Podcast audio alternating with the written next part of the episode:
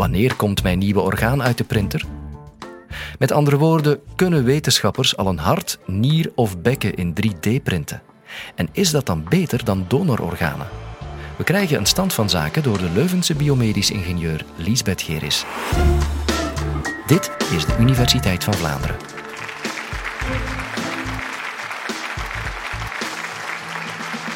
Wanneer we iets printen met een gewone 2D-printer, zijn er drie dingen die we nodig hebben. Een ontwerp, inkt en een printer. In het geval van een gewone 2D-printer zullen we onze computer gebruiken om een tekening of een tekst te maken op de computer.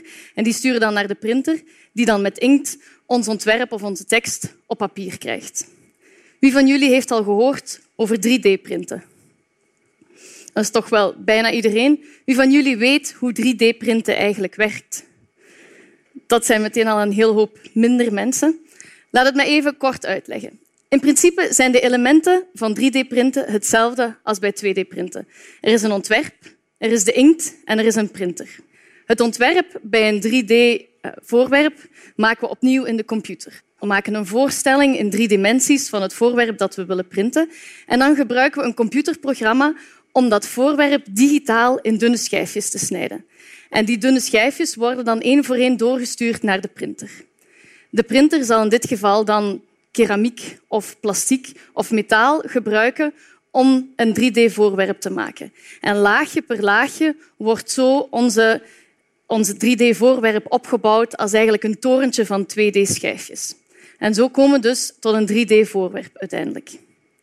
Dergelijke 3D-voorwerpen worden al langer gebruikt in de geneeskunde. We kunnen op basis van CT-beelden bijvoorbeeld van de patiënt, op basis van medische beelden, een reconstructie maken van een orgaan in de computer.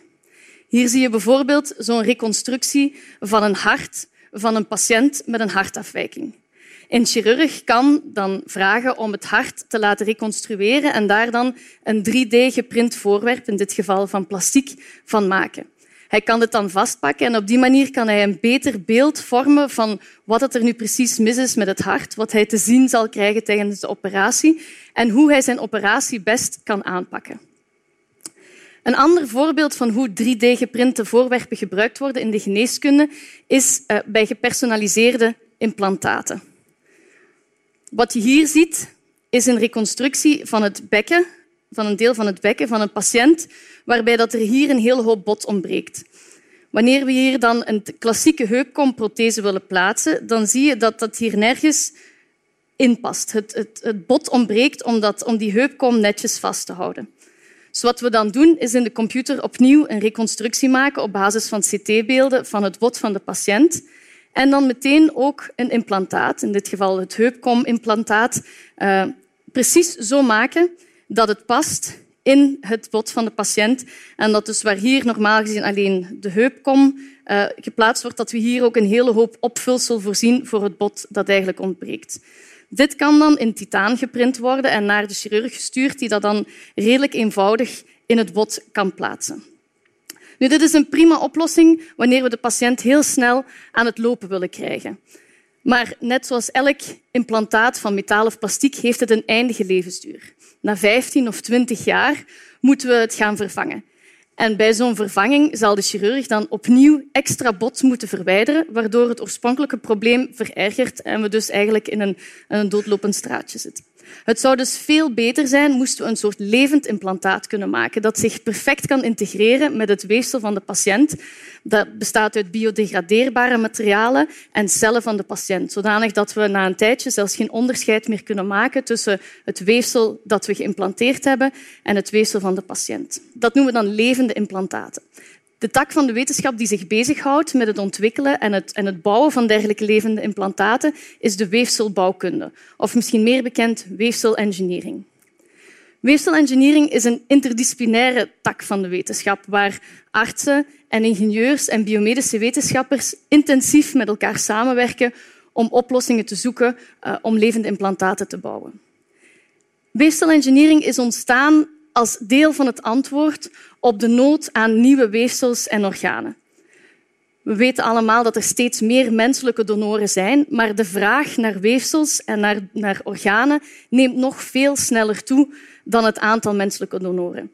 Het is dus weinig waarschijnlijk dat we dit gat tussen vraag en aanbod van weefsels en organen met menselijke donoren gaan kunnen overbruggen. En daarom willen wij weefselingenieurs dus levende implantaten bouwen in het laboratorium die dan kunnen gebruikt worden om die falende weefsels en organen te helpen vervangen. Het maken van, van dergelijke levende implantaten kan bijvoorbeeld door het printen ervan. En dat noemen we dan bioprinten. Nu, wat hebben we nodig uh, voor het proces van bioprinten? Dat is terug opnieuw hetzelfde. We hebben ontwerp, inkt en een printer nodig. Ik ga deze drie elementen nu één voor één toelichten en ik zal daarbij onze toepassing die we in ons team gebruiken, gebruiken als voorbeeld, namelijk die van grote botdefecten. Grote botdefecten zijn misschien niet meteen hetgeen dat jullie in gedachten hadden toen ik sprak over de discrepantie tussen de, de vraag naar weefsels en organen en het aanbod ervan. Maar net zoals bij hart en longen en lever is er wel degelijk een tekort aan skeletale weefsels. Er zijn dus verschillende aanpakken om dergelijke uh, om, om skeletale weefsels te maken. Laten we beginnen met het ontwerp. Als we de klassieke weefselengineeringstrategie volgen, dan gaan we kijken naar hoe bot eigenlijk in elkaar zit. Bot is gemaakt, uh, als we daar in detail naar gaan kijken, aan de binnenkant uit een sponsachtig weefsel. Dat sponsachtig weefsel bestaat vooral uit vezels en uit mineralen. Die zorgen er samen voor dat bot redelijk flexibel is, niet te broos en toch heel sterk. En dat is dus iets wat de mensen in de eerste weefselengineeringstrategie hebben proberen na te bootsen. Die combinatie van materialen. Dan krijg je dus verschillende structuren. Er zijn een hele hoop um, verschillende geometrieën die je kan bedenken, die sponsachtig lijken met de juiste materialen. Hier zie je een voorbeeldje ervan dat we 3D geprint hebben. We hebben het 15 keer groter geprint als dat we het normaal uh, zouden printen wanneer we het implanteren.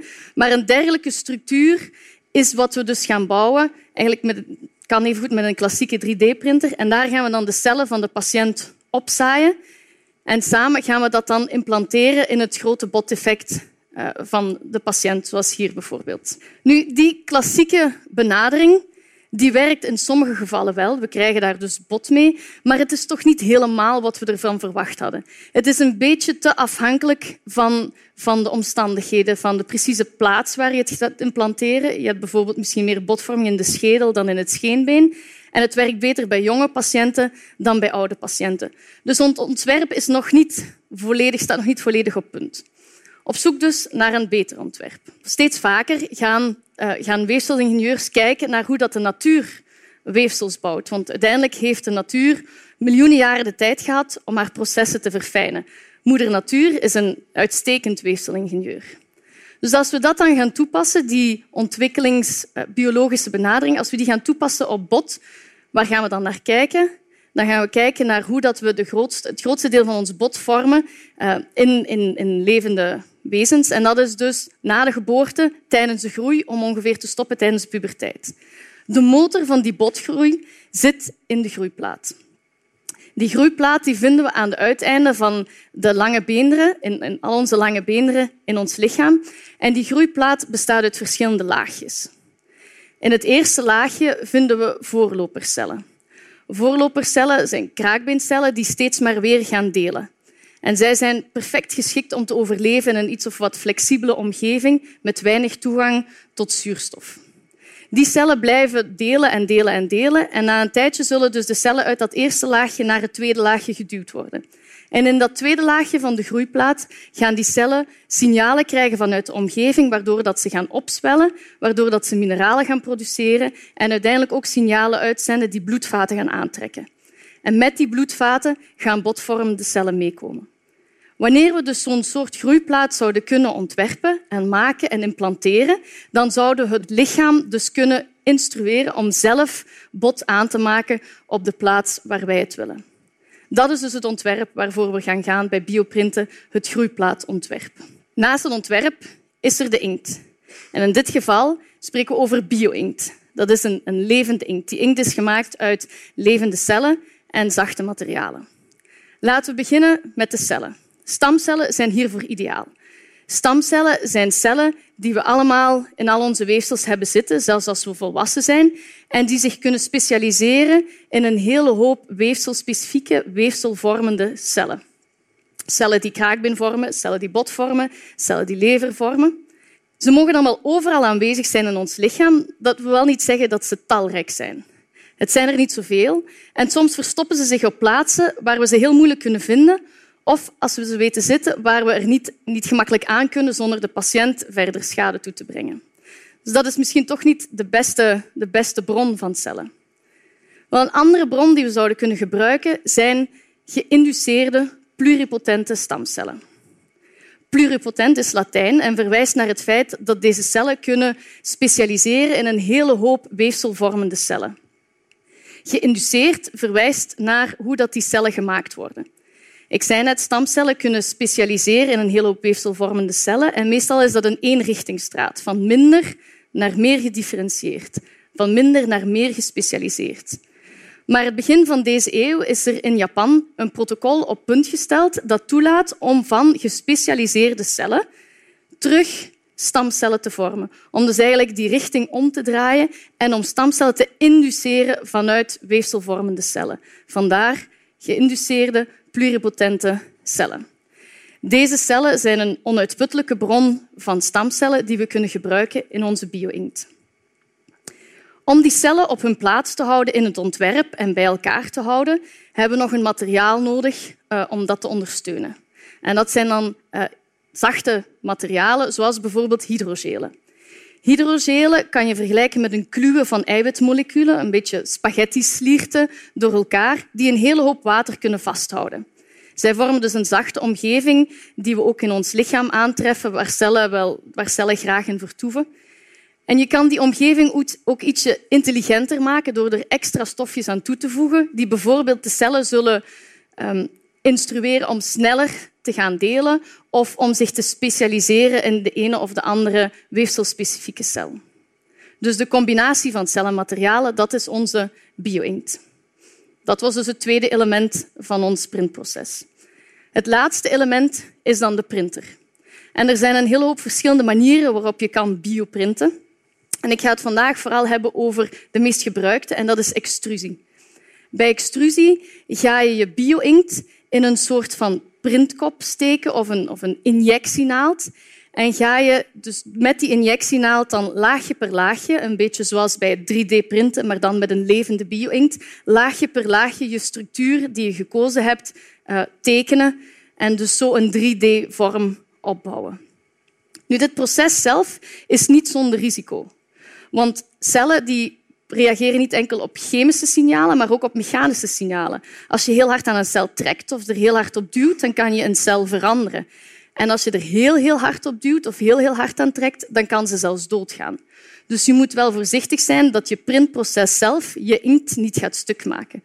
Dus ook daar moeten we de juiste printkop kiezen, zodanig dat we onze inkt niet gaan beschadigen. Als we dit allemaal samenbrengen, ons ontwerp, onze inkt en onze printer, kunnen we een 3D-ontwerp van een groeiplaat gaan printen. Dit is tot op heden vooral uitgetest in kleine knaagdieren, in, in muizenmodellen. En daar zien we, als we zo'n groeiplaatontwerp gebruiken, dat we sneller en betere botvorming krijgen dan met de klassieke benadering van het nabootsen van de structuur van bot. Het antwoord op de vraag wanneer komt mijn nieuwe orgaan uit de printer gerold, is dus morgen, wanneer de vraag gesteld wordt over bot door een klein knaagdier. Wanneer het gaat over iets wat complexere organen, zoals een hart, en wanneer de vraag gesteld wordt voor een mens, dan zijn er toch nog een aantal extra hindernissen die overwonnen moeten worden. Denk bijvoorbeeld alleen maar aan het feit dat een, een muizenscheenbeen een dik centimeter groot is en een menselijk scheenbeen in de grote orde van een halve meter zit. En als je dan weet dat een, een cel van een muis en een cel van een mens niet zoveel verschilt in grootte, dan kan je al wel snappen dat we waarschijnlijk een aantal aanpassingen gaan moeten maken, zowel aan onze bio-inkt als aan ons ontwerp, om alleen al die schaalvergroting te kunnen realiseren. Het echte antwoord op de vraag wanneer komt mijn nieuwe orgaan uit de printer gerold, moet ik jullie dus schuldig blijven nu. Maar we werken er heel hard aan en ik kom jullie over een aantal jaren graag een update geven. Het hele jaar door bieden we je deze podcast gratis aan. En dat kunnen we alleen maar doen omdat we gesteund worden door de vijf Vlaamse universiteiten, de Jonge Academie, KNAK en Radio 1.